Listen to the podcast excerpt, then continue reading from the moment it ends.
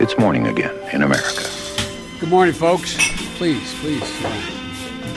Come on, let's go. Let's go get some coffee. Thank you very much.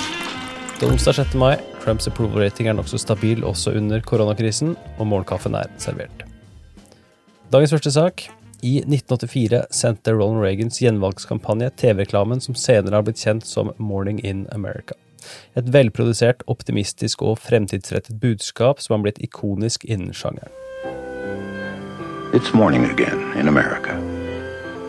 Today, more men and women will go to work than ever before in our country's history.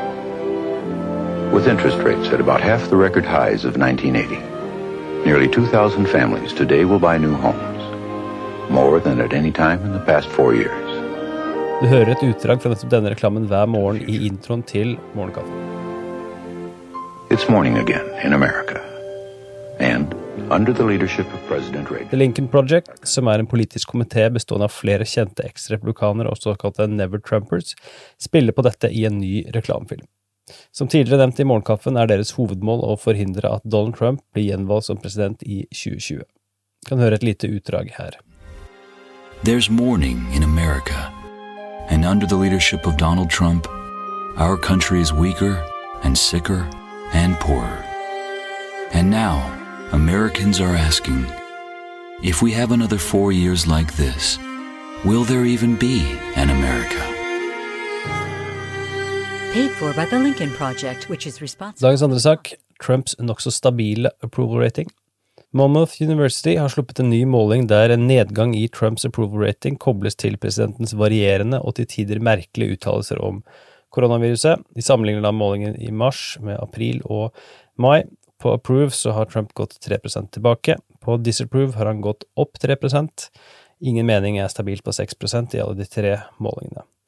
Det skal dermed sies at de små endringene i månedene under koronakrisen ligger innenfor målingens feilmargin, men det blir likevel påpekt at mønsteret viser en voksende misnøye med Trumps håndtering av krisen.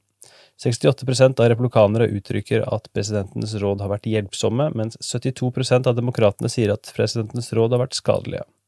Konsekvensene av koronaviruset var også et sentralt spørsmål i denne undersøkelsen. Hele 63% uttrykker bekymring for at delstatene hever koronarestriksjonene for fort, mens bare 29% er bekymret for at hevingen av tiltakene ikke skjer fort nok.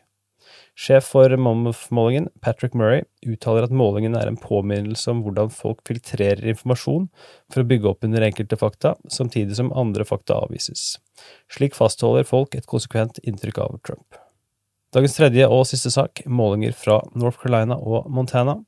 Høstens senatsvalg i North Carolina blir av mange regn for å være en toss-up. En ny meningsmåling fra Civics gir likevel grunn til optimisme for demokratene i en head-to-head-måling mellom sittende senater Tom Tillis, republikaneren, og Cal Cunningham, demokraten.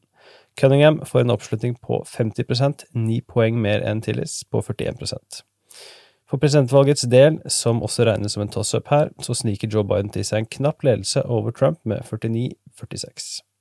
I Montana er det også ledelse for demokratene i kampen om senatet. Montana State University måler utfordrer og guvernør Steve Bullock, en demokrat, til 46% Sittende senator Steve Daines, republikaneren, får 39% Sjef for målingen, David Parker, uttaler i forbindelse med senatsvalget at det kommer til å bli jevnt, og at feilmarginen gjør det vanskelig å peke ut en klar leder. Guvernør Bullock drar trolig også nytte av at hele 70% støtter hans håndtering av koronaviruset i delstaten. Dagens utgave av Målkaffen er servert av Henrik Skotte og undertegnede Are Togflaten. Du leser mer på amerikanskpolitikk.no.